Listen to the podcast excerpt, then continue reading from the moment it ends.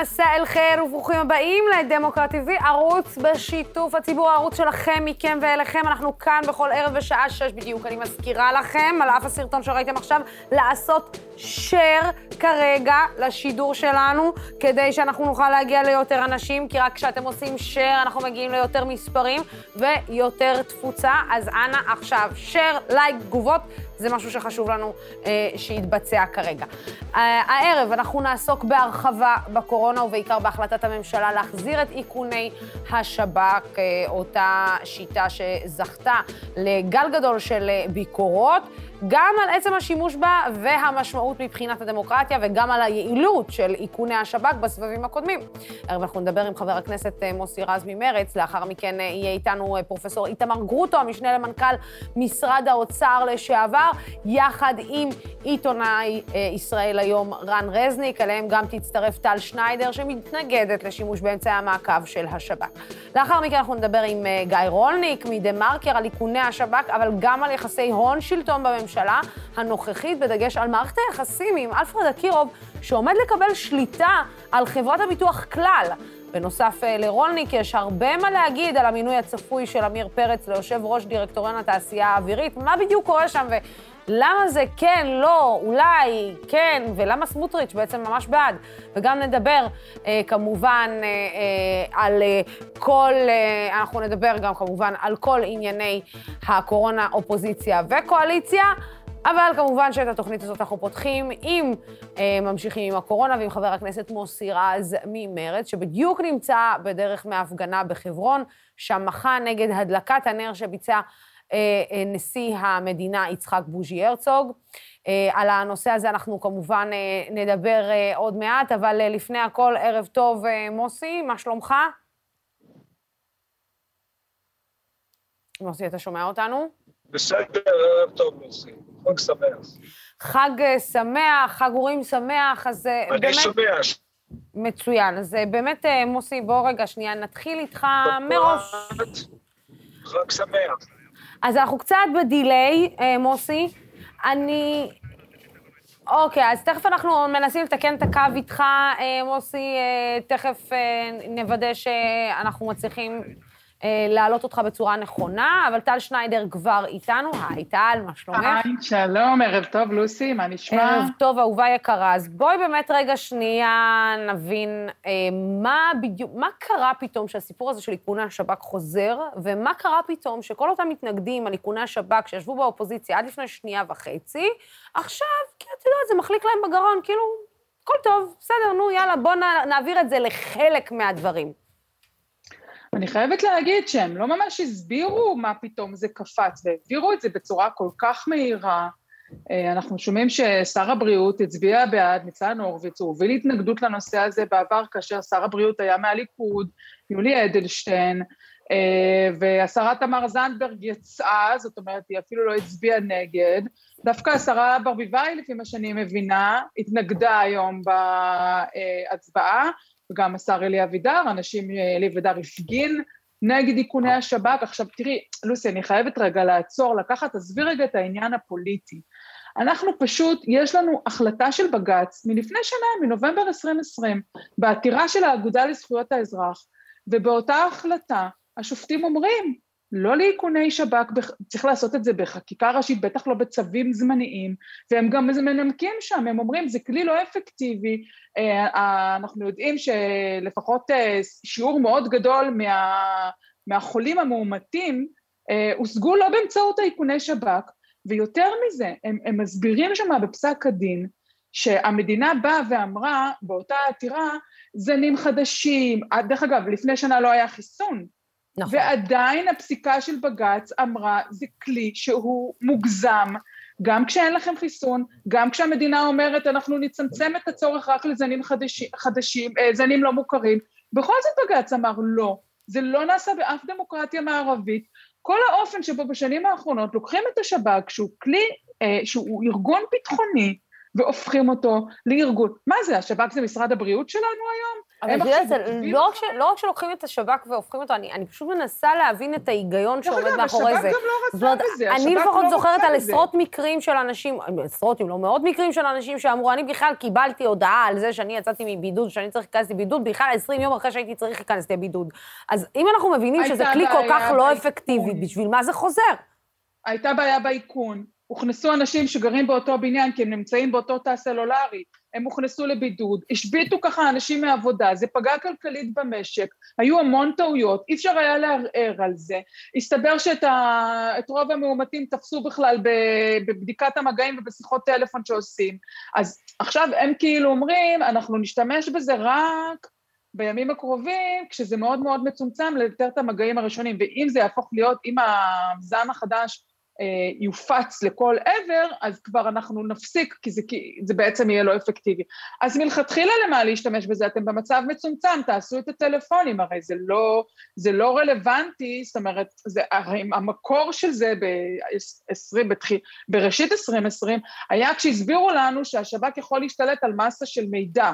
אז את מבינה את הסתירה פה? יש כאן אני, בלגן. אני, אני מבינה לגמרי את הסתירה פה, אה, ובוא נגיד שזה זה נראה... עקרונית, אני רוצה להגיד, עקרונית כאזרחית המדינה, אני לא רוצה ששירות הביטחון הכללי יעסוק בנושאים רפואיים. זה לא מקומו, זה לא תפקידו, הוא לא הוסמך לכך, וזה זה לא לעניין בכלל. כן, זה מדהים שהדיון על השב"כ הפך להיות, אה, את יודעת, אה, כל כך רלוונטי בכל כך הרבה נושאים. אה, זה נראה שלפעמים השב"כ קצת התחיל לנהל את המדינה במקום כל אחד והתחום שלו. בכל מדינה שיש לה שב"כ, זה אנחנו בשב"כ אנחנו שיש בשב"כ שבדיוק, בדיוק. אני, אני רוצה שרגע שתישארי איתנו, כי אני רוצה להצטרף, כאן כבר נמצאים איתנו באולפן, המשנה למנכ"ל משרד הבריאות לשעבר, איתמר. גרוטו, ולצידו נמצא הכתב ישראל היום, רז- רן רזניק, שלום. שלום אה. לשניכם. אז פרופסור גרוטו, שמעתי אותך הבוקר, אה, האמת, אומר שרגע שנייה אנחנו לא ממש יודעים, אבל מה כן, מה לא, מדבק, לא מדבק, החיסון אה, אה, אה, עובד, לא עובד, כן יעיל, לא יעיל, כן מנה רביעית, לפני שאנחנו דנים בכל וואו, הסיפורים האלה.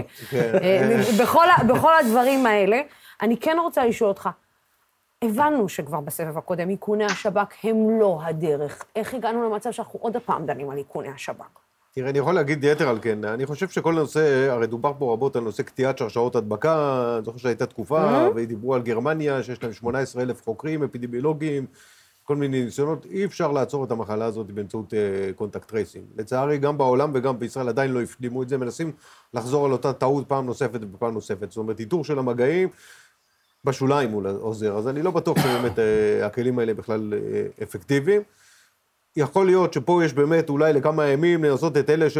זאת אומרת, יש איזו מחשבה שאולי אפשר לתפוס את כל אלה שהווריאנט שכבר כבר נכנסו, אני לדעתי, יש כל העשרות כבר שנכנסו ולא, אנחנו עוד לא עלינו ואנחנו עליהם. עדיין לא עלינו. ולכן אני לא, סוג פעם, זה לסגור את הברז במקום אחד ויש איזו דליפה במקום אחר. אז אני באמת לא, לא חושב שזה היה הכרחי בעניין הזה, ואם זה מעורר כל כך הרבה זעם ציבורי, אז חבל באמת, כי ה- מידת האפקטיביות מוטלת בספק. אם זה היה משהו שבטוח היה אפשר לעצור איתו, אז הייתי אומר, אוקיי, זה אילוץ, עכשיו אפשר לעצור, אבל האילוץ של זה באמת, אה, שכל הנושא הזה, לא רק, גם החקירות האפידמיולוגיות בונים על זה, שזה, והחוקרים שמתקשרים הביתה וכולי, זה יעצור, זה לא יכול לעצור, כי יש הרבה אנשים שמתחמקים, במרכאות, ברור. מהחקירות האלה, ובסוף הם מפיצים את המגפה. גם לאו דווקא, לאו דווקא אומרים את האמת, ולאו דווקא נמצאים, ולאו דווקא כן, כאילו אבל היתרון של האיכון של השב"כ, ו- כאילו הוא לא צריך להגיד את האמת, אלא, זאת אומרת, יודעים איפה הוא יודעים היה. את האמת. אבל אה, אני שוב אומר, אה, שוב אומר, זה, אם זה הייתי חושב שזה היה אפקטיבי מאוד, הייתי, הייתי תומך במהלך כזה, אבל כי, כי יכול להיות שזה שווה.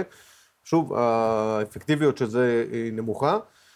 אה, זהו, שאלת הרבה שאלות גם על הווירוס, כן, לא, אני- אנחנו תכף. נגיע לשאלות ש- ששאלתי, אבל רן, אתה רוצה כן, להגיד אני אה, רוצה כן להגיד משהו. שגם כדי קצת לעורר את הדיון הזה, כי כולכם יותר מדי מסכימים, וגם כי אני רוצה לתת זווית אחרת, אני לא מזועזע כמוכם מהחזרה של השב"כ, לא מזועזע כמוכם מהחזרה לא, של אני- השב"כ. אני לא מזועזעת אני- כמו שאני לא, לא אז אני רוצה מבינה. להגיד, אז אני רוצה- את ה- אני-. כאילו, אז זה לא אני ברור רוצה לי. להגיד, ראשית, אמר פרופסור גרוטו שאין אין כלי שאנחנו יודעים שבצ... שיכול לעצור את המגפה. נכון, לצערנו אין כלי שיכול לעצור את המגפה. הכלים שהעולם וישראל משתמשים בהם, אני לא מדבר ספציפית על השב"כ, הם כלים שיכולים, למדנו, אולי זמנית לפחות, למתן חלק מהתפשטות המגפה. אני רוצה להזכיר, לא קשור לשב"כ, הגל הרביעי התפרץ בעוצמה, אולי היה אפשר למתן חלק מההתפרצות כשהגיעו לפה הורים שחזרו לח- מחו"ל, לא קשור לשב"כ, ושלחו את הילדים שלהם לבית הספר בלי. שום בידוד, והשאר היסטוריה, פרדס חנה ומודיעין, לפחות אתה יכול להגיד שזה האיץ את התפשטות הגל הרביעי, לפחות בהתחלה. שנייה, אני שמעתי היום את דוקטור שרון אלרועי פרייס, שאני, מה לעשות, מאמין לה, מאמין בה, וחושב שהיא רמטכ"ל קורונה מצוין. כך אני חושב. שמעתי אותה בכנסת מדברת, והיא אומרת, אנחנו צריכים להחזיר את איכוני השב"כ, זמנית, נקודתית, אה, פרופסור גרוטו, לאותם אנשים שבאו במגעים עם החוזרים אה, מאפריקה, אה, כדי לנסות ולצמצם את ההתפשטות בישראל, ולדעתי, המטרה של לצמצם את ההתפשטות בישראל עכשיו, ולו כדי שנדע יותר, פרופסור גרוטו, שהעולם ידע יותר, זאת מטרה מספיק חשובה, כן, גם משתמש באיכוני השב"כ. אתם כולכם מזועזעים פה כאילו שעכשיו הולכים לכלוא את כולנו לא במתקני או במרתפי השב"כ. לא, אבל לא, לא, אני הייתי שם בדברים האלה. ברור שהיית. ראיתי שהדברים האלה, ברור הם לא עובדים. זאת אומרת, הם לא עושים את העבודה שלהם בסופו של יום, הם לא תרבו תועלת תראה, אמרה היום דוקטור אה, אה, שרון אלוהי פרייס, שהם לא הצליחו להגיע, אוקיי? כישלון שלהם, לא הצליחו להגיע לכל נושא האוטובוס מתל אביב לאילת עם אותה... אה, רן, אני חייבת לשאול אותך, ואני חייבת לשאול אותך, באמת, כאילו כל כך קשה, שאלו אותי את הכל, עכשיו אני, בניגוד לטל שניידר, לא מזועזע מזה, מצטער, לא מזועזע מזה. אני אגיד לך יותר מזה, אני חושב שזה לא, כלי... באמת, באמת, אי אפשר להגיע, זה קו אחד. את שואלת בהתחלת השידור, לוסי, את שואלת בהתחלת השידור, מה קרה שפתאום צריכים? קרה, יש וריאנט חדש, העולם חרד ממנו, אולי אני מקווה שעוד שבועיים נגלה שהחרדה הייתה מוגזמת. הלוואי שתראייני אותי פה עוד שבועיים, ואני יכול להגיד לך, או פרופסור גרוטו, שהח, שהחרדה הייתה מי, אה, מוגזמת, או אני לא רוצה להגיד מיותרת, מוגזמת. ו, וזה, וזה המצב, זאת אומרת, אני גם...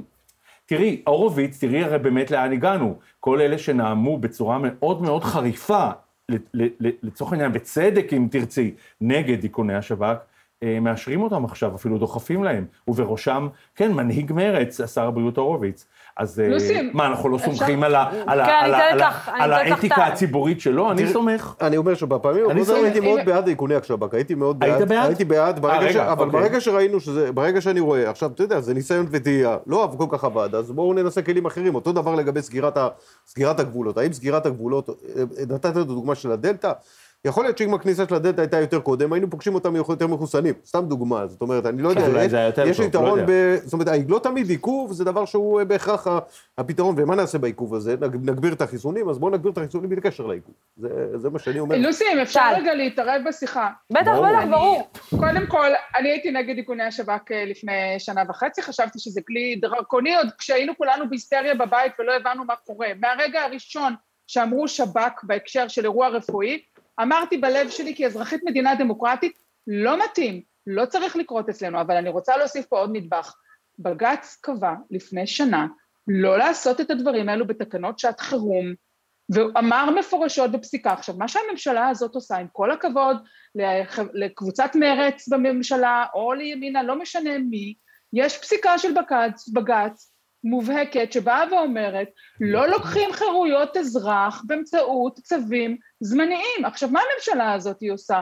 היא פשוט, היא פשוט עובדת בניגוד לבג"ץ. כשממשלה קודמת עשתה דברים, לא משנה באיזה תחום, בניגוד לפסיקת בג"ץ, אנחנו היינו מתרעמים, היינו אומרים, סליחה, יש לכם בית משפט אה, גבוה לצדק שמתערב בנושאים אזרחיים, נא ללכת לפי המתווה. עכשיו, עכשיו, מה עושה הממשלה הזאת? היא מצפצפת על פסיקת בג"ץ, זה לא בסדר במדינה דמוקרטית, זה לא תקין. אם מותר הערה פוליטית אה, לא, לא קשורה לטל, טל היא כתבת פוליטית. כן. זה מנפלאות האירוניה, לא טל, שלוסי, נורא. שיושב ראש מרץ מקדם את זה בממשלה. נורא ואיום. אי אפשר היה להאמין את זה לפני שנה, נכון? תראה, קודם כל, אתה יודע, זה... לא סתם, אני אומר את זה פוליטית, הם לא, מדברים פוליטיקה. קודם כל פוליטית, זה ברור שזה מעניין, אבל דברים שכנראה רואים מכאן, לא רואים משם, וכשאתה נכון, מתיישב על איזשהו כיסא, אז פתאום רגע שנייה זה קצת אחרת.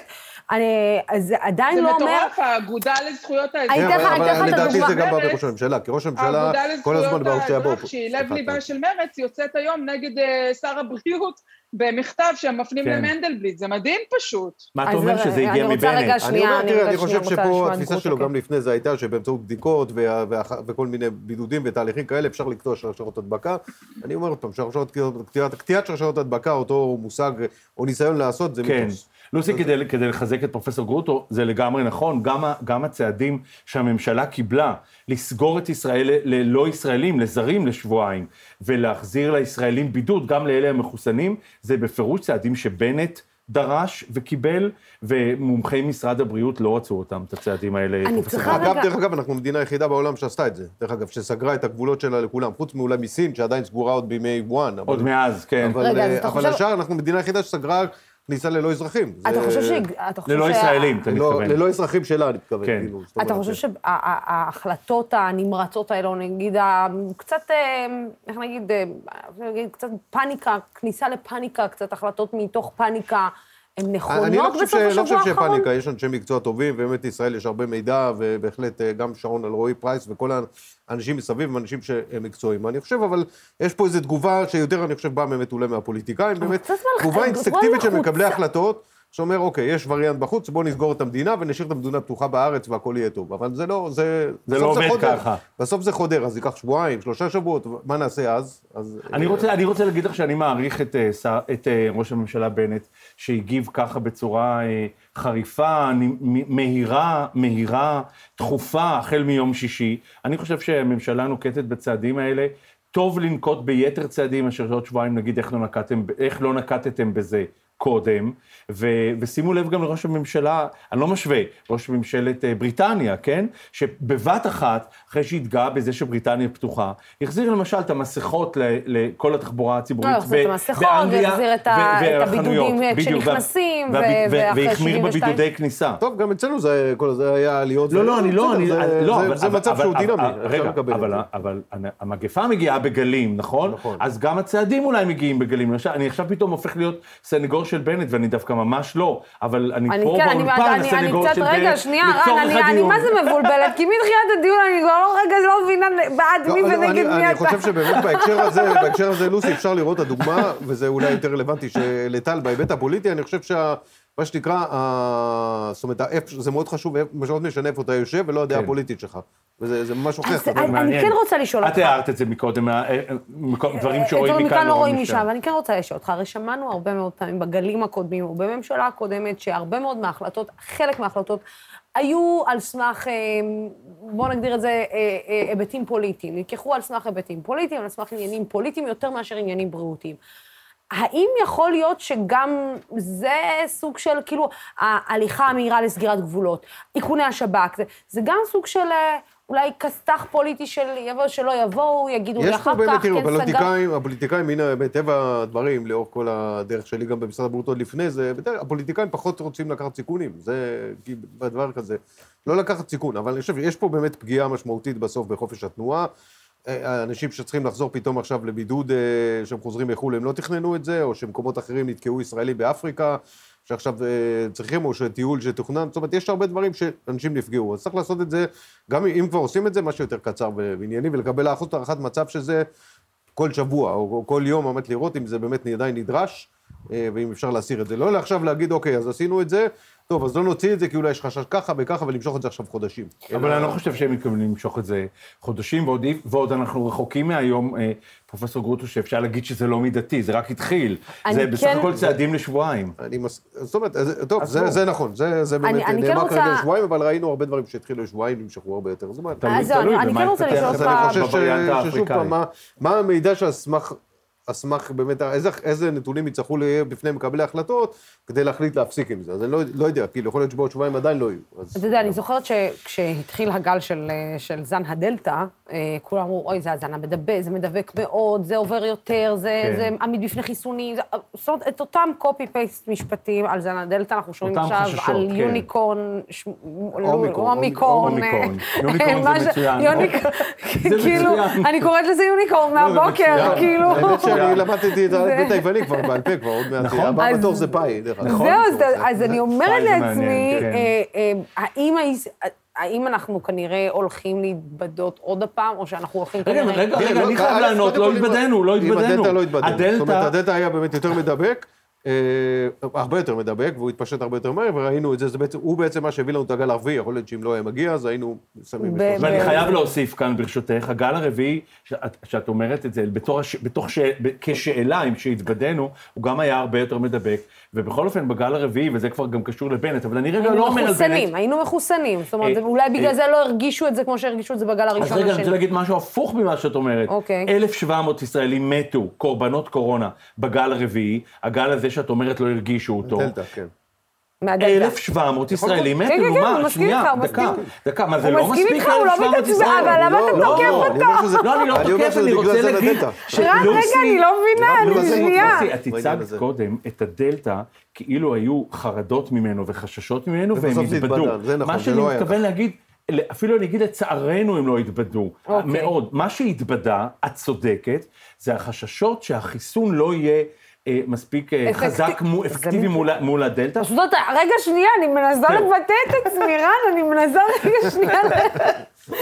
אני יודעת שאתה רגע, באת רגע, כולך, אני, אה, אה, חשבתי שאתה כאילו... סוער. סוער, אבל רגע, אני, אני באמת רוצה להבין, כשהתחלתי את הגל של השאלות בהתחלה, ואמרתי לך, רגע, זה כן עמיד, לא עמיד, אה, אה, מה זה אומר, מה זה בכלל... אני אנסה- לסכם תנסה מה רגע שאנחנו יודעים. לסכם קודם כל, ולעשות סדר בדבר החדש הזה מה שאנחנו מתמודדים. שבעצם הכי מפחיד פה את, ה... בעצם את הקהילה המדעית זה מספר המוטציות הגדול. שקרה פה 32, 38, אני כל הזמן שומע מספרים אחרים, אבל... עד 50 זה הגיע בדיווחים. כן, אז לא יודע, כל פעם מישהו מוסיף, כנראה שזה, אף אחד אין לו מידע מדויק, אבל בכל אופן יש שם הרבה מאוד מוטציות. עכשיו, העניין הוא שרוב המוטציות הן מוטציות מוכרות. זאת אומרת, בעצם יש פה איזה סוג של קומבינציה, אני חושב שהיה זן דרום אפריקאי, קראו לו בטא, ועכשיו באה דלתא, וזה איזשהו כנראה, דלתא היה מאוד פעיל בדרום אפריקה, כן. כנראה זו קומבינציה של שניהם עם כל המוטציות האפשריות. עכשיו, זה יכול לעשות כמה דברים, זה יכול מצד אחד אה, לפגוע ביכולת של הנגיף אה, להדביק, אבל כנ- או לה, להגביר אותה. במקרה הזה, רוב הסיכויים שזה מגביר, כי באמת אנחנו רואים פה התפשטות באמת אה, מאוד מהירה. השאלה המעניינת היא, שתי השאלות המעניינות זה מה יקרה לאלימות, ויש בינתיים, לשמחתנו, ואפשר ככה ל- להגיד, אה, זה כמה שאין כאילו לנו, לא ראינו הנגיף. מקרים קשים, אוקיי. לא רואים עלייה בתחלואה, זה חצי ככה באשפוזים בדרום- קוריאה, בדרום אפריקה. אה, אה, זאת אומרת, יש סימנים מעודדים מצד אחד, מצד שני, יש סימנים לא מעודדים בהקשר שאנשים חוו הדבקה על חיסון של שלוש מנות גם. אוקיי. אז זאת אומרת, כאן יש פה את השאלה של היעילות של החיסון. יכול להיות כל האנשים שחלו על שלוש מנות, או על שתי מנות, או מנה אחת, לא משנה, כולם מחלה קלה, בינתיים אף מקרה קל. אז יכול להיות שבאמת החיסון יספק את ההגנה מפני החלה, פ- המחלה, פחות עניין של הדבקה. אז אה, זה הטווח שאנחנו נעים עליו. זהו, זה אתה רוצה להדגיש את זה. וגם, אגב, באמת פרופסור, אה, אה, דוקטור שרון אלרעי פרייס דיברה על זה, ובכלל משרד הבריאות, שלפי הנתונים עד עכשיו, וזה ממש עד עכשיו, זה יכול להשתנות תוך ימים, החיסון מגן גם מפני, נקרא לו הזן האפריקאי, הדרום אפריקאי, וגם אם אתה נדבק, אה, עם ה- עם בזן הזה, אז לא מתפתחת מחלה קשה, ולא מתפתחת מחלה קשה, זה אומר שהסיכויים שלך למות לא קיימים, או, או זאת אומרת, כמעט אותה אפסיים. טענה שהייתה לפני זן הדלתא, זאת אומרת, החיסון בעצם מונע מחלה קשה, נש- וכדאי, אני- ובעצם כדאי לפי מה שאנחנו רואים להתחסן. נשאר כאן. אבל כן, אבל יש אולי אפילו סיכוי שזה מחלה קלה יותר, זאת אומרת, אנחנו אפילו. כמובן יכולים אנחנו להתפלל. עדיין- עדיין זה- לא יודעים, כן, כי לפי לא הנתונים. אני אשאל אותך עוד שאלה. אמ, אה, הרבה אנשים בעצם שואלים את עצמם עכשיו, אולי שנייה כדאי לחכות רגע עם חיסוני הילדים, כי אם אולי אנחנו נצטרך אה, אה, חיסון... רביעי? כן, כבר רביעי.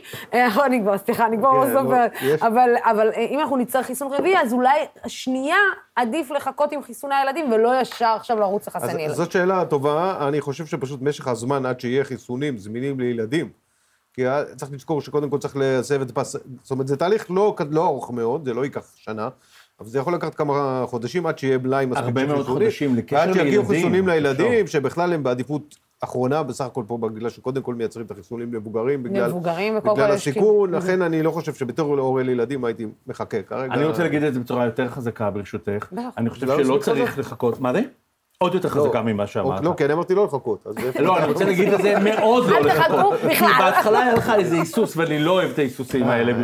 אני חושב, אה, לוסי, לא צריך לחכות, אני חושב שצריך להגיד, אני רוצה להגיד ברשותך להורים, לא. מכאן, צאו לחסן את הילדים שלכם. אני חיסנתי אתמול את ביתי, בת. התשע, חיסון ראשון. עכשיו, את מצטרף לקריאה אומרת הזאת חיסון במאה אחוז. רביעי. הרי הילדים מקבלים עכשיו רק חיסון ראשון. ראשון, נכון. המבוגרים בישראל, הרבה מאוד מהם, לא כולם כבר קיבלו שלישי, והם מקבלים רק את הראשון, ואחרי שלושה שבועות את השני, ואם יהיה שלישי זה גם ייקח עוד הרבה זמן, אז כך שיכול להיות שאם הילדים יגיעו לשלישי או לרביעי, זה יהיה כבר כולל עדכון ל- ל- ל- לזן החדש, לא בטוח. בכל אופן, החיסון מג- אז זה, לפי מה שגם פרופסור גרוטו אומר, מגן גם מפני הזן החדש, ו- ו- ואני חושב שצריך לקרוא להורים לחסן אני- בדחיפות את הילדים. ויותר מזה, לכו, גם כמובן לכל מי שלא עושה את החיסון השלישי, בוודאי כרגע זה... אגב, אני חייבת- כל אותם פערים שבעצם עדיין נשארו בחיסונים של האוכלוסייה אצלנו, צריך, זה רק מדגיש שיש פה עוד וריאנט, יש פה עוד פעם, זה לא יהיה נעלם מעצמו, ופשוט הכי טוב זה להתחסן. תראה, ראינו פשוט בעצם ללכת שאין... להתחסן. כן, ללכת להתחסן, אבל עדיין ראינו שההורים אה, לא ממש ממהרים לגשת אה, לחסן את הילדים, כן. כי קצת עם הילדים אולי יש, אה,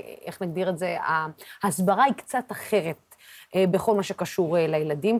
אתה עדיין חושב שאולי מפספסים פה רגע שנייה באיך בכלל מדבררים את המחלה הזאת, איך מדבררים בכלל את, ה, את הקורונה, מה היא עושה, למה היא עושה, מה זה בעצם החיסון. אני חושבת שמשהו מתפספס גם בלהסביר, אתה יודע, בסוף אתה שם את הילד שלך, יש הבדל נכון, ראיתי שהרבה נותן את אנשים הכתף לא שלך ידעו, לכתף של למשל, הילד שלך. שהחיסון הוא... לילדים הוא במינון מופחת של שליש מינון. זאת אומרת, ראיתי שעכשיו ראש הממשלה גם הדגיש את זה, מיני חיסון קרא לזה, ו- כן. כן. וכדי לנסות להדגיש את נכון. הנקודה הזאת. אז, אה, אז זו נקודה מאוד חשובה שצריך להדגיש. אני מסכים ש... אז טוב, ההסברה היא דבר מאוד מאוד אה, מורכב לוקח בעניין הזה, כי בסוף אני חושב שגם ה- בגלל שזה לא הסברה אחידה, זאת אומרת, אם פעם בשנות ה-60 היה עושים קמפיין אחיד לכולם, אז היום כל... צריך לעשות אה, קמפיין לחרדים, וקמפיין למתנגדי חיסונים, וקמפיין ל- לערבים, וקמפיין נכון. ל... זאת אומרת, ולכן זה, זה הרבה יותר מורכב יש עוד להגיע... אבל? יש עוד מה, לא, כן. לוסי, מעבר לקמפיינים, כי באמת פרופסור גרוטו ליווה קמפיינים לחיסונים במשך נכון. השנים להרבה מאוד מחלות, כולל פוליו וחצבת ועוד. אה, תראי, אה, אה, רוב החיסונים בישראל, עד הקורונה, רוב החיסונים בישראל... ניתנים בשלוש מנות. נ- לא, ניתנים לילדים. לילדים. מהיום הראשון. לא, אני פשוט אומרת בשלוש-. בשלוש מה- מנות לילדים, לא, אני יודעת את זה. ניתנים, ניתנים מהיום הראשון ללידה, מהיום הראשון פיזית ללידה, נכון. ועד כיתה ח' 16 חיסונים ניתנים בישראל לילדים, לתינוקות, ילדים ובני נוער, בטיפות חלב ובתי ספר. זאת אומרת, אנחנו כל הזמן מדברים בצדק, את אומרת, אה, אה, ההורים חוששים לתת לה את הכתף, כאילו לתת, לה- לתת לילדים שלהם להתחסן, אבל רוב ההורים בישראל, וישראל כל השנים, עשרות שנים, התגאתה בשיעורי חיסונים מאוד גבוהים, רוב, רוב ההורים בישראל מסכימים כל השנים לחסן את הילדים שלהם בבתי ספר וטיפות? חלב. אז מה קרה כאן? אה, לא, אז, אז, אז, אז אני אגיד לך מה קרה, קרו כל מיני דברים. קודם כל, אוקיי, קרתה מגפה עולמית אה, מפחידה את העולם, חיסון חדש, אה, שיש אה, נגיד שאלות סביבו. אה, אני חושב שה... שה זה, זה אפילו לא הסברה, שה, שהדרך שבה מדברים על החיסון, היא לא נכונה. אה, אם אני הייתי מקשיב, אני נורא משוכנע בחיסונים, הבאתי את הבת שלי להתחסן, כבר סיפרתי. אבל אם מקשיבים לדוקטור שרון אלרועי פרייס, לראש הממשלה, לניצן הורוביץ, איך הם מדברים על חיסון לילדים, וכולם, אם תשאלי אותם, super duper משוכנעים שצריך לחסן את הילדים, הם מדברים על זה בצורה, לטעמי, לא משכנעת. למשל, הם כל הזמן מסבירים בצורה מתגוננת שאין פה כפייה. כאילו שחשבנו, ואני לא מדבר עכשיו על אה, מה שאני קורא לא, אבל מתנגדי החיסון. בוא נודה על האמת, גם לא לא, כופים אבל לא אה. את שאר החיסונים, אתה יודע, בדיוק, רגע, אבל זה בוא בדיוק נודה על העניין. האמת, יפה, רגע. האם, ראית בישראל ששוטר מגיע ונותן חיסון לילדים? אבל זה השיח, אה, רן, זה השיח המאוד קולני שיש סביב אה, רגע, חיסוני לא, אבל הקורונה. ברגע ששרון אלרועי פרייס, כן? שהיא לב הממסד כמות הרפואי... הפעמים שאמרת שרון אלרועי פרייס לא, שהיא לב במשטר הממסד הרפואי אומרת, איתמר, פרופסור גרוטו, שהיא אומרת, אנחנו לא זה נכפה. חיסונים, שאנחנו לא נכפה חיסונים, זה כמו שאני אגיד לך עכשיו, את יודעת, נורא כיף פה באולפן, ואני לא הולך אה, אה, אה, לזרוק פה פצצות בתוך האולפן, כאילו שיש בכלל אופציה שאני אעשה את זה. אז היא באה ואומרת, אנחנו לא נכפה חיסונים, שנייה, כשהרי האופציה לכפות חיסונים ככה, אחד, לא הייתה מעולם בישראל, נכון. לא לילדים ולא בכלל, בכלל. שתיים, היא גם לא הייתה בקורונה, שלוש, היא, היא, היא פייק ניוז שהיא כאילו נסח- לא, אבל יש פה נסחפת בכל אליו. זאת פעם ראשונה רגע, שאני אני רק רוצה- מכיר, פעם ראשונה אני שאני רוצה מכיר לתת שבאמת לגרוטו להגיב לך. מתנים, אה, פעילות, הרבה שנים, אפילו אנחנו בעצמנו יזמנו פעילות, יזמנו פעילות, אתה זוכר, חיסוני החצבת, ליצור מצב שבאמת איכשהו יחייבו את הילדים, לא יוכל להיכנס לבית ספר, מי שלא מחוסן, במצבים מסוימים. זה פעם ראשונה שבאמצעות התו הירוק יוצרים איזה מנגנון, אני לא אומר, אני דווקא בעד המנגנון הזה. רק אני אומר שהמנגנון הזה יוצר איזשהו בכל זאת אפליה בין מחוסנים ולא מחוסנים, ובזה יכול להיות אבל שהם זאת לא מתכוונים כפיית ללחץ. חיסון. אפשר לקרוא לזה עידוד חיסון, אבל זה לא, לא אבל כפייה. אני אומר שזה זה מה שיוצר כאילו את הלחץ, אני דווקא בעד העניין, אני חושב שהתו הירוק זה הצלחה הצלחה מדהימה. אדירה.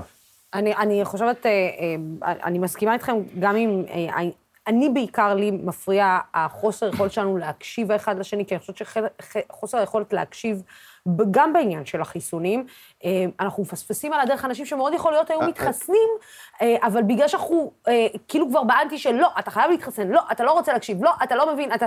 אני חושבת שה... השיח הזה באופן אוטומטי מרחיק אנשים שמאוד יכול להיות שהיו מתחסנים, אם רק היו רגע שנייה יושבים, מסבירים להם. שבקלות אפשר היה לשכנע אותם. אגב, אני. רוצה להמשיך את מה שרן אמר לגבי חיסוני השגרה. אה, אה, מתוך ה-14 חיסונים שהזכרת... 16 אפילו, כן. 16. אוקיי. אה, בערך משהו כמו שבעה, זה חיסונים שנכנסו בתקופה שהייתי ראש שירותי בריאות הציבור. אוקיי. אנחנו אה, אוקיי. הבאנו תקציבים, הכנסנו אותם, ואז... אה, החיסון נכנס, חלק מהחיסונים נכנסו בישראל כמדינה ראשונה. שהלכה על תוכנית אוניברסלית לכולם, זאת אומרת, היה קודם אפשר לקנות את זה, וההיענות מיד קפצה ל-90-95 אחוז כמו שאר החיסונים, כך שבאמת גם זה כשהם היו. חדשים, זה גם כשהם היו מעניין. חדשים, הם היו חדשים, אני אבל אף אחד לא שאל את אני השאלות על החדש, נכון, לא נכון. קודם כל. מעניין, להגיד, אה, בתור מעניין. מישהי שחטפה אה, אבעבועות רוח בגיל 17, אה, אחרי שנדבקתי מילד, אני חייבת להגיד לכם שזה ממש לא נעים לחטוף נכון. אבעבועות רוח בגיל מבוגר וואו. בשום צורה שהיא. זה אחת המחלות הכי נוראיות, באמת, אה, שאפשר גם לחוות אותן פיזית ו- ונפשית נכון. והכל, זה מאוד מאוד קשה. קשה.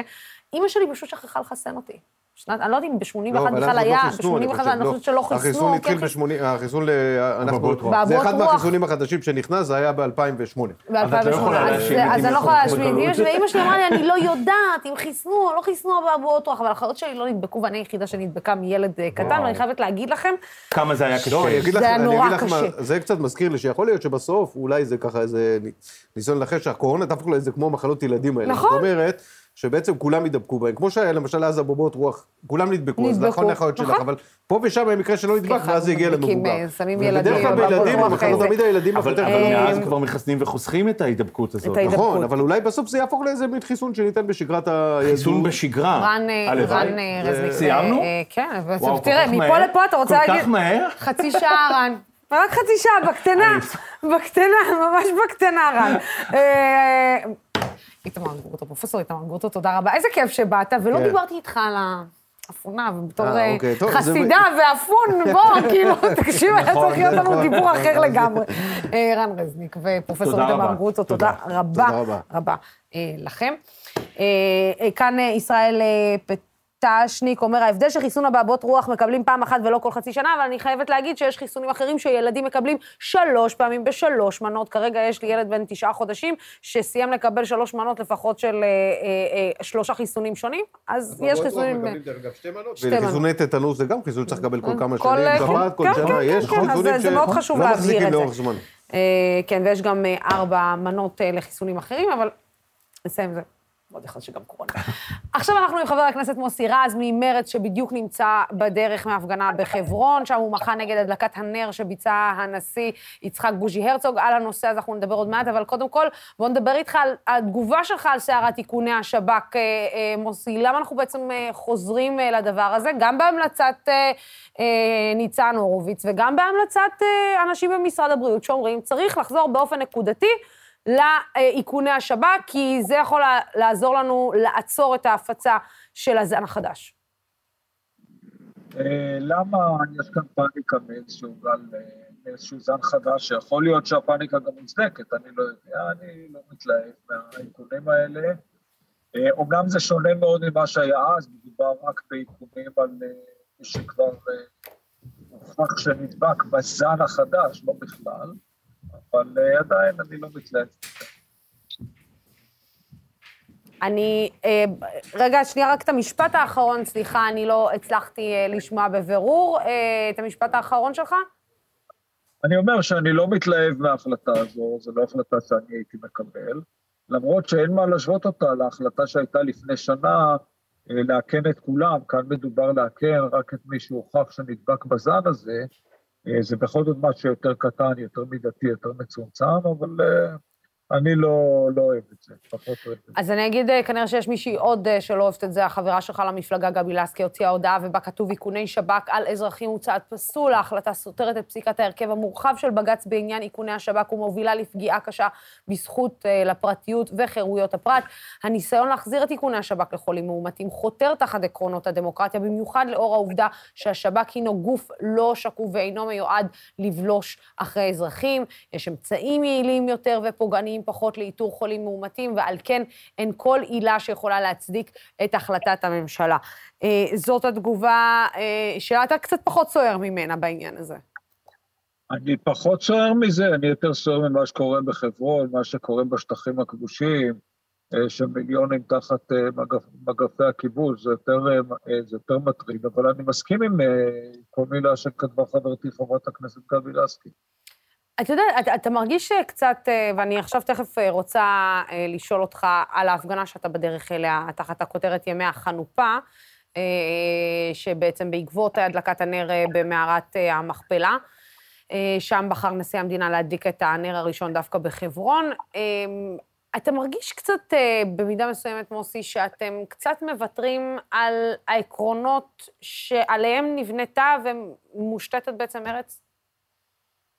כן, ברור שכן. תראי, אנחנו נמצאים בממשלה, ממשלה לא פשוטה בכלל, שיש בה בעצם דומיננטיות מאוד מאוד ברורה לימין.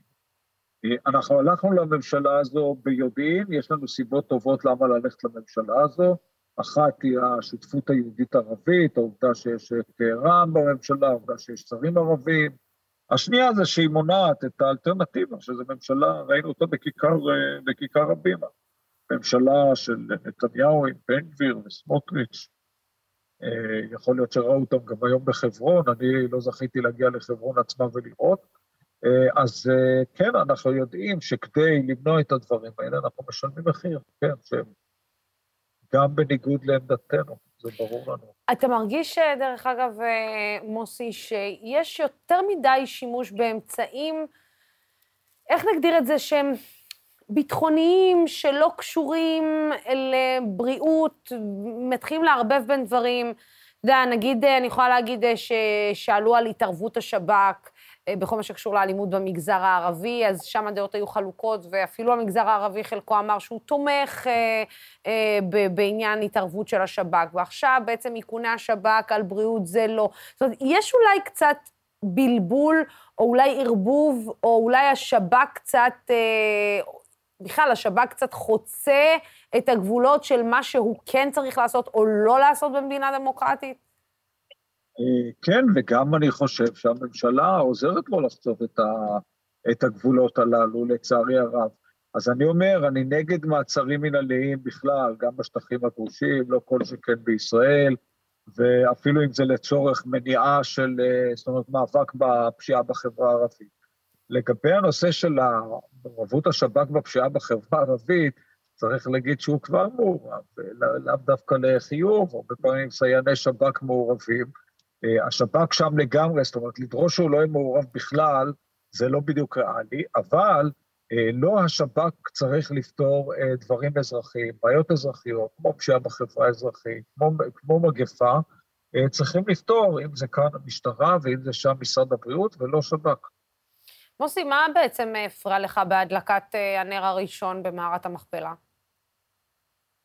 תראי, אה, לבוא למערת המכפלה זו אמירה. מערת המכפלה היא אתר קדוש למוסלמים וליהודים.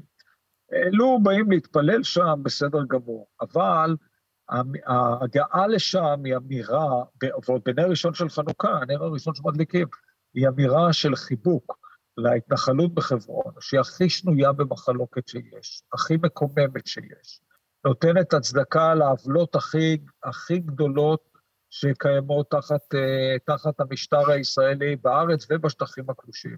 והראיה, הנה אני עכשיו נוסע לתל אביב, ואני תכף מגיע למקום בו ידליק אה, הרצוג אה, את הנר, אחרי שידליק ברמת המכפלה, תהיה כאן הפגנה והכל בסדר, כי זו תל אביב, ואנחנו חיים במדינת ישראל. לשם לא נתנו לנו אפילו להגיע להפגין, משום ששם זה שטח שאיננו ישראל, זה שטח כבוש. שלערבים אסור להיכנס לשם, שלאנשי שמאל אסור להיכנס לשם דה פקטו, מי מותר לו? רק מי שבא לתמוך בדברים הללו, וזה חבל. למה אתה חושב שהוא בעצם עושה את זה, מוסי? אני חושב שהוא עושה את זה כי הוא, אה, אני גם מבין את כוונתו, כוונתו היא, לכו, היא, היא בטוח טובה, אני גם שוחחתי איתו על זה. אה, אני, הוא רוצה להיתפס כנשיא שמאחד את העם, אבל מה שקורה כאן, זה בדיוק הפוך. אם הוא רוצה אה, לאחד, הוא רוצה להתחבר, לציונות הדתית, אני חושב שזה מאוד מאוד ראוי, אבל יש מקומות של הציונות הדתית שפחות בעייתיים מאשר חברון. אה, אתה יודע, יש שיגידו ש... אתה יודע, גם בחברון חיים ישראלים, זאת אומרת, אזרחים ישראלים, שהם תחת הגנתה של מדינת ישראל. ועל כן יש את נשיא מדינת ישראל, שהוא חושב שראוי גם ש... יחלוק, שהוא יחלוק רגע. זאת אומרת, אם הוא היה, נגיד, לצורך העניין, מדליק נר שני או שלישי, זה היה פחות קריטי מנר ראשון? זה אולי טיפונת פחות, אבל אני לא חושב שזה היה גורם לנו לבטל את המחאה שלנו. תראי, ברור שבחברון חיים אזרחים ישראלים כמה. גם בירושלים חיים אזרחים ישראלים, בתל אביב, בחיפה, בבני ברק, שלא לדבר על אום אל-פחם, אבל אני לא מציע שבאום אל-פחם לא ידליק נר אה, חנוכה, כן? אבל חיים אזרחים ישראלים יהודים, לומר לצורך העניין הזה, כי זה חג יהודי, אה, בכל כך הרבה מקומות. למה ללכת למקום הכי טעון? אה, מוסי רז, טוב, אנחנו נשחרר אותך, אתה צריך ללכת להפגנה שמתקיימת בתל אביב. מילה אחרונה שלך על באמת כל מה שקורה כרגע בדרום הר חברון, השתיקה גם של שר הביטחון, למרות ששר הביטחון אמר כמה דברים לפני כמה ימים על ההתנהלות של חבורות, או נגיד כמה מתנחלים או מתנחלים בקרב, בדרום הר חברון, והפגיעה שלהם כנגד פלסטינים. זה די, בוא נגיד, השתיקה מכוכבי ומבני גנץ ומראש הממשלה על תמונות שיוצאות משם והן לא נראות טוב, לא שמות את ישראל במקום טוב. מישהו מדבר על זה בכלל בממשלה? מישהו מנהל על זה שיח בכלל? או שזה גם תחת הכותרת שאנחנו לא דנים בעניין המדיני והישראלי-פלסטיני? לא, אני לא מקבל את זה, זה לא חלק מהעניין המדיני, לכן גם קיימנו כנס בשבוע שעבר בכנסת, ואני שמח ששלושת שרי מרץ הגיעו לכנס בכנסת, זה לא מאוד נהוג ששרים באים לכנס בכנסת, הגיעו לכנסת, באו לכנס, אה, השמיעו דברים מאוד מאוד אה, ברורים. אני רוצה אולי ברוח החג להיות טיפונת אופטימי ולחשוב שלאחר הביקורת המאוד חריפה שהשמענו כלפי שר הביטחון, משהו שם מתעורר, אני רוצה לקוות שזה נכון, כי אם לא, זה יהיה רע מאוד. אני חושב שרמת האלימות של מתנחלים, אה, בעיקר בדרום הר חברון... אתה מרגיש בכלל שהוא, שהוא מקשיב לכם, שר הביטחון? כי מהמאמר של קלמן ליבסקין אה, זה נראה שלא מצא חן בעיני קלמן ליבסקין, אה, שבעצם הוא ציין, או שבני גנץ ציין שישנה גם אלימות מצד המתנחלים. תראי, אני, אני לאורך תקופה ארוכה הרגשתי שהוא לא מקשיב, ועכשיו אני נוטה לחשוב שהאסימון נפל, גם אם הוא לא הקשיב לנו, אולי הקשיב למישהו אחר. וצריך להגיד, האלימות הזו היא איננה שולית כפי שמנסים לתאר אותה, משווים אותה לאלימות פלסטינית, שוכחים שיש כבר קמה מדינת ישראל, כבר יש צבא חזק, כבר יש כיבוש, אלימות פלסטינית מוענשת ב... בירי, לעיתים בהרג, במעצרים מנהליים, ב... ב... באלפי מעצרים ומאסרים, בשלילת חירויות, בענישה קולקטיבית, ולעומת זאת מול האלימות של מתנחלים, הצבא עומד מנגד, המשטרה עומדת מנגד, התקשורת עומדת מנגד, בתי המשפט עומדים מנגד, זה פשוט ממשיך להתקיים. אתה אה, בטח אה, שמעתי אותך גם יוצא כנגד האמירה של חיים שדמי אה, לגבי אה, לקחת, תנו לנו נשק ואנחנו אה, נגן על הפלסטינים, משהו שאתם לא עושים. אה, אתה חושב שגם לפעמים כנראה בשמאל אה, לוקחים אה, שנייה, גם מקצינים יותר מדי שמאלה ב, בהתנהגות ובאופן לקיחת החוק לידיים? אני חושב שלהשתמש בנשק זה לא הקצנה שמאלה. אני חושב שלא צריך להשתמש בנשק, לא צריך להחזיק בנשק, יש משטרה, יש צבא, הדרך שלנו היא בדיוק הפוכה מדרך הנשק, אנחנו הדרך שלנו היא דרך לא אלימה. היא דרך של לשכנע, גם אם זה בהפגנה, גם אם זה במילים לפעמים אה, קשות, אבל, אבל דרך של שכנוע, דרך של שלום, הדרך של אה, הנשק היא בדיוק הפוכה מהדרך שלנו. מוסי רז, אה, תמיד טוב לדבר איתך, ותמיד תענוג לדבר איתך. תודה רבה לך, וסליחה שעיכבנו אותך על הדרך, אנחנו מתנצלים. תודה רבה לך, תודה, מוסי. כן, אה, ועכשיו אני רוצה להגיד ערב טוב לאיש שתמיד אפשר אה, לדבר איתו גם אה, שעות, גיא רולניק, עורך מייסד דה מרקר, יש לנו כמה נושאים על הפרק. עם מה? עם מה אתה רוצה שאני אתחיל? עם מה? אני ראיתי אתמול את הכותרת הזאת על אלפרד אקירוב וכלל, ואני אמרתי, וואי, וואי, וואי, וואי, וואי, וואי, וואי, רולניק בטח בא עצבני, יושב עצבני שישי-שבת, איך, איך אומרים? קיבלת בומבה לשישי-שבת. כן, אבל לוסי, אני רוצה דווקא להתחיל על מה שקרה, תכף מיד, מיד נגיע לאלפרד אקירו ונראה איך הוא משתלב בכל מיני דברים שקורים עכשיו ב, עם הממשלת השינוי שלנו, אבל בואו נדבר על מה שקרה אה, הבוקר בישיבת הממשלה. עם איכוני השב"כ. אה, אה, לא, אני לא מדבר על איכוני השב"כ, אלא? ותכף אני אסביר למה מה שקרה היום בישיבת ממשלה, אה, עמיר פרץ. עם, עם עמיר פרץ יותר mm. חמור מאיכוני השב"כ. זה באותו קו כמו איכוני השב"כ, אבל זה הרבה יותר חמור. אז בואו נתחיל, תעשה לי רגע לעצמי. באמת סדר שנייה בעניין הזה. מה הבעיה, מה לא הבעיה, מה כן הבעיה, מי כן בעד הפרטה, הוא בעד הפרטה בכלל, הוא לא בעד הפרטה, מה הסיפור שם, תנסה להסביר לי, כי אני לא הבנתי. כן, בג... נתחיל עם הכותרת. בגדול, מה שאנחנו רואים, ושכל שבוע, כל יום, מצטברות עוד ועוד ראיות, שהממשלה הנוכחית מאמצת את כל הנורמות והרעיונות וההתנהלות של הממשלה הקודמת. כלומר, המדינה הייתה בטרללת מטורפת כבר חמש שנים, שחצי מהציבור, שמיוצג על ידי פוליטיקאים, אמר שבנימין נתניהו הורס את המדינה כי הוא דורס את המוסדות הדמוקרטיים. והנה יש לנו אה, ממשלה חדשה, שכל שבוע מכה אותנו ומשפילה אותנו. אה, אני מדבר כמי שלא הייתי אה, מעולם במחנה נתניהו, אלא, ו, ואני חושב שגם חלק גדול מהצופים שלך מבינים על מה אני מדבר. והנה הממשלה הזאת שוב ושוב יורקת לנו בפרצוף. עכשיו, תארי לעצמך שראש הממשלה הוא בנימין נתניהו, והוא מחליט למנות מקורב פוליטי שלו לאחת החברות הממשלתיות הכי גדולות. וועדה של אנשי ציבור שתפקידה לאשר את המינויים האלה, מחליטה שהמינוי לא עומד בתנאי החוק והיא פוסלת אותו. ואז נתניהו מחליט גם למנות אותו, ושר האוצר של נתניהו מכריז שצריך לפטר את אנשי הציבור שפסלו את המועמד שלו.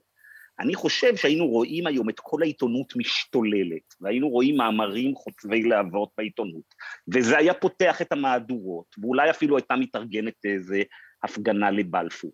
רק הבעיה היא שהממשלה שאישרה היום את מינוי של עמיר פרץ ליושב ראש התעשייה האווירית, לאחר שנפסל על ידי הוועדה הציבורית, היא ממשלת רק לא ביבי, שהרוח החיה בה היא כמובן, ומי שאחראי להקמתה, ועל כך קיבל את קרדיט רב, הוא יאיר לפיד, אותו יאיר לפיד, אשר הסביר לבוחרים שלו במשך חמש שנים שיש עתיד תשים קץ למינויים הפוליטיים והכל יעבור דרך הוועדות הציבוריות המקצועיות. מה אני מפספסת, רולניק? מה אני מפספסת? את לא מפספסת שום דבר. אנחנו רואים שבעצם לפיד ובנט, ובעצם, וכמובן ליברמן, הם בעצם מחקים אחד לאחד את השיטות של נתניהו. התעלמות לחלוטין מהרעיון הזה שיש מוסדות דמוקרטיים ופוליטיקאים לא יכולים לעשות כל מה שהם רוצים. עכשיו, שימי לב למניפולציות של אנשי ממשלת השינוי לגבי המינוי של עמיר פרץ. קודם כל הם טוענים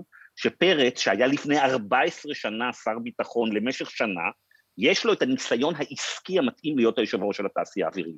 זה כמובן קשקוש גמור, כישורים שנדרשים מפוליטיקאים לא דומים לכישורים של איש עסקים. בוודאי לא אחד שאמור לעמוד בראש חברה שהיא מהחברות הגדולות ביותר בישראל והיא מהיצואניות הגדולות ביותר בישראל. אבל הדיון בכישורים של עמיר פרץ הוא בעיקר ספין, למה?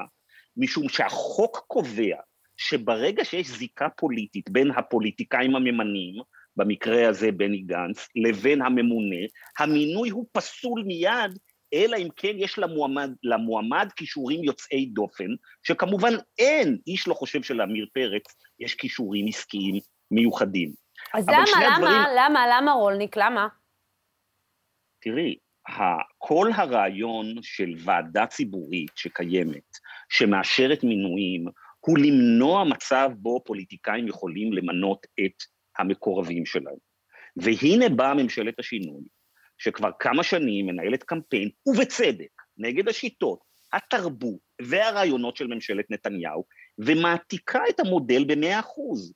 לא רק שמתעלמים מהמוסדות הדמוקרטיים ומוועדות אה, ציבוריות, אלא גם מכריזים עליהם מלחמה, לוסי. היום אביגדור ליברמן, שר האוצר, בממשלת השינוי, מיד לאחר שהם אישרו את המינוי של עמיר פרץ שנפסל, הוא קרא לפטר את חברי ועדת גילאור שפסלו את עמיר פרץ. זה אחד לאחד ה playbook של נתניהו, לא רק לדרוס את המוסדות הדמוקרטיים, אלא גם להשפיל אותם. כלומר, לקרוא עליהם תיגר, זה בדיוק העולם שבו היינו חיינו במשך חמש שנים האחרונות, שלכאורה הממשלה הזאת הייתה צריכה להחליף. ליברמן בדיוק חוזר על אותם אה, דברים, ושימי לב, למעט אה, אה, שרי, אה, למעט מרב מיכאלי, שאגב לא, לא הצביעה נגד, היא, הצביע, היא נמנעה, ולמעט שרי מרצ שנמנעו, כל הממשלה מאשרת את זה. כלומר, רגע, רגע, רגע, אז בואו נסבך הזאת... את זה עוד קצת, בואו נסבך את זה עוד קצת, כי בצלאל סמוטריץ' הגיב, אישורו של עמיר פרץ ליושב ראש התעשייה האווירית הוא נכון, בניגוד למינויים אחרים. אין לו אינטרס פוליטי ואין לו ידע מוקדם על התאמתו או אי-התאמתו לתפקיד. מה שיש לי זה אה, היגיון בריא. אם שר הביטחון הנוכחי מאמין שזה מינוי טוב והוא הנושא באחריות לכף, אזי החלטתו חשובה יותר מכל ועדה מייעצת. מה... מה? עמדתו של סמוטריץ' היא ידועה, סמוטריץ', אה, סמוטריץ' נמנה על הקבוצה שלא מאמינה במוסדות הדמוקרטיים, היא חושבת בעצם שפוליטיקאים נבחרו והם יכולים לעשות כל מה שהם רוצים. ובסדר, זה סמוטריץ', אין לי שום תלונות לא, אבל לא יכול להיות שסתם ככה הוא מפרגן לגנץ והוא מפרגן לא, לא. לעמיר פרץ, באיזה קטע? אני לא חושב, בקטע ש... בוא, סמוטריץ' הוא בן אדם מאוד מתוחכם, אנחנו לא, לא צריך לזלזל בסמוטריץ', ואין לי שום בעיה עם סמוטריץ'. סמוטריץ' נמנה על הקבוצה שחשבה גם ש... שמה שנתניהו עושה זה על הכיפאק, אין לי בעיה. אין לי בעיה עם הדבר הזה, אני לא מדבר על זה, אני מדבר על יאיר לפיד, אני רוצה להזכיר שיאיר לפיד עשה פה קמפיין במשך שנים על הקמת הדירק, על רשימת הדירקטורים הזה, ועל מינויים מקצועיים, ופתאום מתעלמים מכל הדבר הזה. בואו, יש חוק מאוד ברור, החוק אומר שאי אפשר למנות מינויים פוליטיים, אלא אם יש להם כישורים מיוחדים, וזה לא עמד בחוק הזה, ולכן הוועדה פסלה את זה. עכשיו, נניח שיש לך חילוקי דעות עם, הווע... עם, ה... עם הוועדה הזאת, אתה לא יכול לדרוס אותה, כי אם אתה דורס את הוועדה, אם יש מצב שבו בעצם יש ועדה, קודם כל הוועדה הזאת היא לא ועדה מייעצת, זה הוועדה שאמורה לאשר את המינוי הזה. סמוטריץ' קורא לה עכשיו ועדת מייעצת כי זה נוח לו, כי סמוטריץ' בעצם לא מאמין בכל הרעיון הזה שיש מוסדות דמוקרטיים שיכולים אה, אה, לקבל החלטות. הוא מניח שפוליטיקאים יכולים לעשות את כל מה שהוא אה, רוצה. אם אנחנו נניח שפוליטיקאים יכולים לעשות כל מה שהוא רוצה, אז הכל נהיה אה, פוליטי, ואז אנחנו, הוא גם, הרי סמוטריץ' רוצה שאותו דבר יהיה גם בבית המשפט העליון, הם בעצם רוצים, לה, באותו דבר הוא רוצה שם גם יהיה הרגולציה. הוא אומר בעצם אין כזה דבר מוסדות דמוקרטיים, אין כזה דבר מדינה, יש רק פוליטיקאים. ומחר אפשר להגיד את זה על כל אורגן שקיים במדינה, במדינה הזאת. רגע, הדרך לשם היא, הדרך לשם היא קצרה אה, אה, מאוד. עכשיו, אני אומר שוב... רוליק, היה עוד מועמד לא לתפקיד צ... חוץ מעמיר פרץ? זאת אומרת, אה, או שעמיר פרץ... אה, לא, אני לא שמעתי על מישהו, על מישהו אחר. הכל נתפר לעמיר אה, פרץ, הרי עמיר פרץ היה לו עסקים פוליטיים עם בני אה, גנץ, את זוכרת את האירועים שהיו עם זה, אבל הסיפורים הפוליטיים עם עמיר פרץ לא רלוונטיים כרגע, יש אנשים ששונאים את עמיר פרץ בגלל שהוא בגד, כל, כל הסיפור הזה לא מעניין אותי, שהוא הצטרף לנתניהו, הלך לנתניהו, זה הכל לא מעניין, זה הכל דיבורים שמתאימים למחנה של ביבי, אני מדבר על הרעיונות שהמחנה שרצה להחליף את ביבי והחליף אותו, סיפר לנו לאורך שנים, שהם בעד מוסדות דמוקרטיים, ולא, הם בדיוק כמו בנימין נתניהו, וצריך לשים את זה על, לשים את זה על השולחן. ודיברתי פה אצלך לפני חודש על, ראינו על המינוי של יאיר לפיד בקרן קיימת, אותו דבר בדיוק, אין הבדל בשיטות של הממשלה הזאת והממשלה הזאת, ולצערנו אנחנו רואים, האכזבה היא הכי גדולה כמובן, שלראות את כל העיתונות, כן, העיתונות, שחלק גדול מהעיתונות פה ניהל ובצדק קרב אדיר נגד איך ראש הממשלה דרס את המוסדות הדמוקרטיים במשך ארבע שנים, ועכשיו, כמו שאומרים בעגה היום, צרצרים. זה נראה לי, נראה לי, רק מדברים על נראה זה. לי, אה, נראה לי אה, רולניק אה, מתפלק להם, פשוט הם ראו כי טוב, וראו שזה עובד, אז הוא אומר, אה, לא, לא, זה לא אמור להיות ככה, אה, שכחנו שאנחנו בכלל יצאנו נגד, אבל ככה זה עובד, ככה כשאנחנו מגיעים, ככה זה עובד, זה יותר קל. אני חושב שהממשלה הזאת מגיבה לאיתותים שהיא מקבלת מכלי התקשורת ומהציבור, רואה שזה עדיין לא מרגיז את האנשים, אף אחד לא יוצא להפגנות, מה שעשו נגד ביבי לא עושים נגד הממשלה הזאת, ואני חושב שאם לא יורמו פה דגלים אדומים, אז אנחנו לקראת הידרדרות איומה בממשלה הזאת, שבעצם אנחנו נראה בדיוק את אותן נורמות שראינו. או שאנחנו לקראת, או שאנחנו לקראת חזרתו של נתניהו, כי אין שום סיבה להתנהלות כן, של נתניהו, אבל, כשנתניהו אבל, לא בשלטון, עם מישהו שהוא לא אבל, לא נתניהו. אבל מה יגיד המחנה הזה שאם נתניהו ינסה לחזור לשלטון, או יחזור לשלטון, איך יתקפו אותו אם הם אימצו את כל ה... צבוע, אבל רוניק, אנחנו מבינים שיש פה צביעות, אנחנו לא מבינים שיש פה צביעות, יש צביעות מתחילת הדרך. זה אנחנו מבינים וקלטנו אותם. אנחנו מבינים גם את הצביעות עוד מימי ההפגנות. אה, זה, זה בחלק לא, מן הדברים. לא, אני חייב לציין שאני לא מקבל...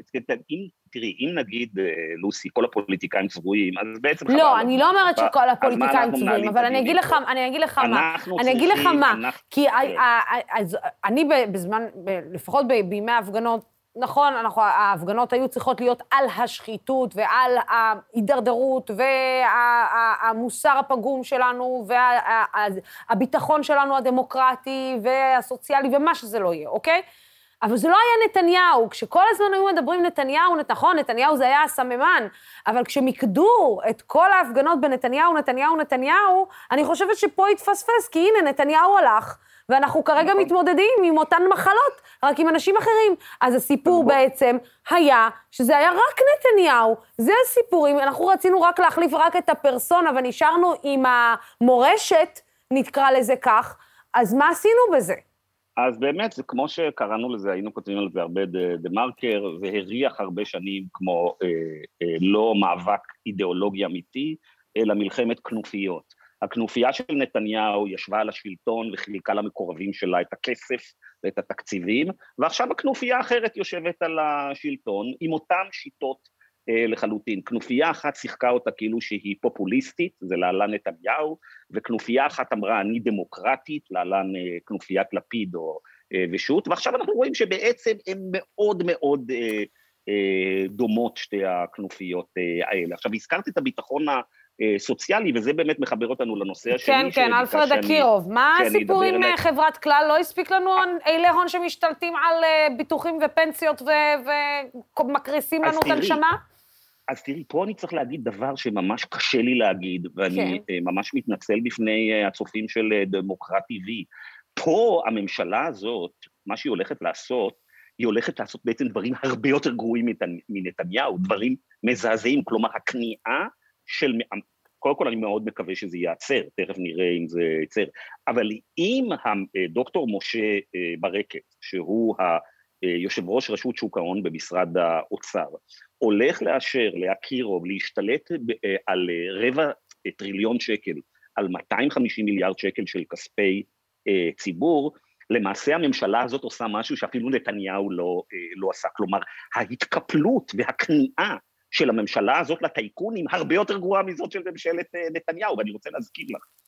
לפני שמונה שנים, עשר שנים, ישבה ועדה ממשלתית, ועדת הריכוזיות, ואמרה, הרעיון הזה שאנשים שמנהלים לנו את הפנסיה, ואנחנו תלויים בהם בשביל לקבל פנסיה, אוקיי? ויש לנו רק בישראל חמש חברות שמנהלות את כל הפנסיה אה, אה, לציבור, חברות פרטיות. לא ייתכן שלאנשים האלה יהיו ניגודי אינטרסים והם יהיו מעורבים בכל מיני קומבינות. הם חייבים להיות האנשים הכי נקיים. ואז ישבה הוועדה ואמרה, צריך לעשות הפרדה. מי שמנהל פנסיה צריך שיהיה לו ניסיון, צריך ש... לא צריך, אסור שיהיו לו עסקים אחרים, אסור שהוא בעצמו ייקח הלוואות אדירות. כבר היינו בסיבוב הזה, אבל רוני, כבר הקריסו לנו את הפנסיות. כבר אייל הון הקריס לנו את כל הפנסיות והביא חורבן על הראש שלנו עם הפנסיות שלנו. למה, למה אנחנו לא לומדים כאילו מהעבר? לוסי, תראי, ישבה ועדה ממשלתית ואמרה התופעה הזאת שבה יש אנשים שלוקחים הלוואות במיליארדים מהציבור ביד אחת.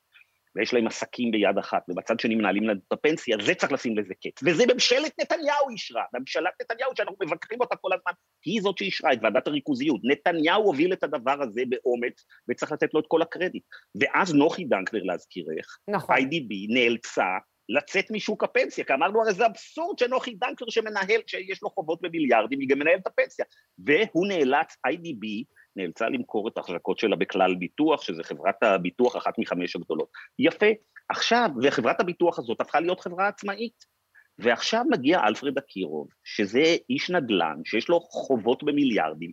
אלפריד אקירוב זה הבן אדם הזה, להזכירך, שהיה מסובך בפרשת אה, אה, אהוד אולמרט, כן? כן. את זוכרת שלאהוד אולמרט הייתה לו שם אחת, שולה זקן, שכל הזמן שתקה על מה שקרה, והסתבר שבתקופה שהיא שתקה ולא סיפרה מה היה באמת עם אהוד אולמרט, אקירוב שילם לה משכורת. אז אקירוב הזה, שמעורב בכל מיני אה, אה, אה, אה, אירועים, שהיה לו גם איזו עסקת בעלי עניין בחברה שלו, אקירוב הזה עכשיו רוצה להשתלט על 250 מיליארד שקל מכספי הפנסיות של הציבור, בניגוד גמור לרוח חוק הריכוזיות שהעברנו פה בסוף 2013. ומי מאפשר את זה, עכשיו, רוני? עכשיו, איך בכלל אקירוב חושב שזה יכול להיות, שזה בכלל אוקיי. לגיטימי? התשובה היא, אני אגיד לך, אני אגיד לך מה אני חושב. אקירוב היה האיש שנתן את הערבויות? להקמה, יפה אמרת, לשתי מפלגות. הוא נתן ערבויות להקמה של כחול לבן, שני מיליון שקל לבני גנץ הוא נתן, והוא נתן ערבות של שניים וחצי מיליון שקל לגדעון סער, שעכשיו שר המשפטים. כלומר, אקירוב יודע, סליחה, שיש לו היום כוח פוליטי אדיר, כמו שהיה לו כוח בימי אה, אולמרט. אז אקירוב חיכה בשקט, ואיך שהממשלה הזאת מתיישבת, כשגדעון סער שר המשפטים, בני גנץ שר הביטחון, והוא מודיע, אני רוצה להשתלט על כלל, בניגוד הפוך, בניגוד גמור ל- ל- לוועדה שהייתה פה במשך שנים ואמרה שצריכה להפריד בין הדברים האלה. ושוב, אנחנו חוזרים למצב שאת לא שומעת אף אחד. את יודעת, רציתי, אם מוסי רז היה נשאר על, ה- על הקו, הייתי שואל אותו, מוסי, איפה אתם?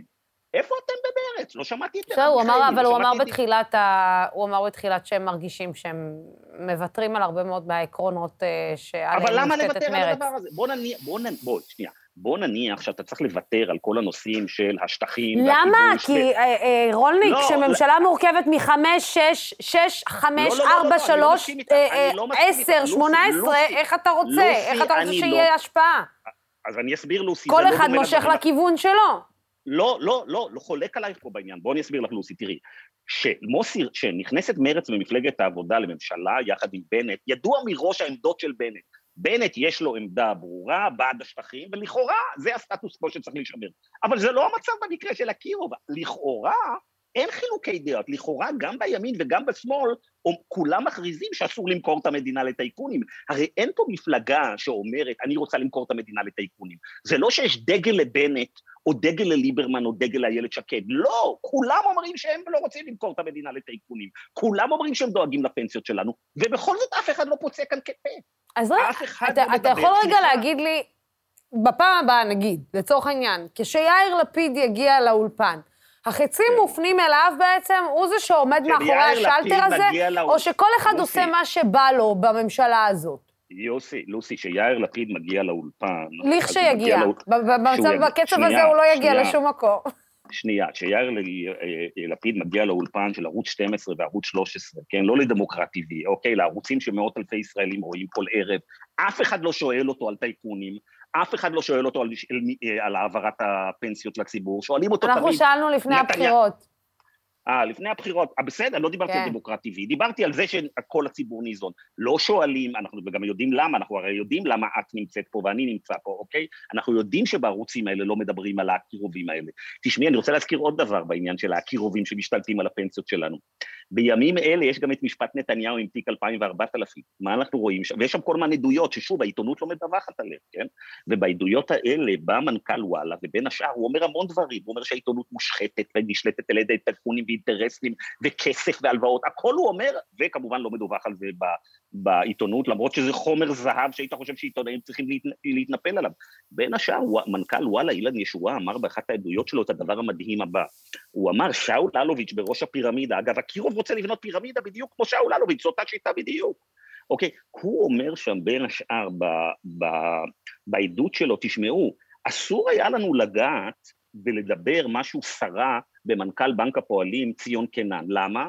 כי לאלוביץ' היו הרבה הלוואות מבנק הפועלים, אז הוא בעצם חשף לנו שהעיתונות פה בישראל, היא נותנת פרוטקשן, כמו במאפיה, בדיוק כמו במאפיה, לאנשים שיכולים לתת הלוואות במיליארדים לאנשי עסקים החשובים במדינה, ובעיקר לאנשים ששולטים, ב, ששולטים בעיתונות. ועכשיו בדיוק אנחנו רואים, עכשיו אותו ציון קנן, שהוא אמר שהוא קיבל פרוטקשן, אותו ציון קנן שהיה כמנהל בבנק הפועלים, שהיה מעורב במתן הלוואות לטייקונים, אותו עכשיו אקירוב ממנה לדירקטור אצלו בחברה, רגע לפני שהוא רוצה לשים יד על הפנסיות שלנו. אני... היית אומרת, זה צריך לפתוח את כל המהדורות, או הנה התמונה שאתם מדהים, זה צריך לפתוח את כל המהדורות, כלום, שום דבר, זה מושתק.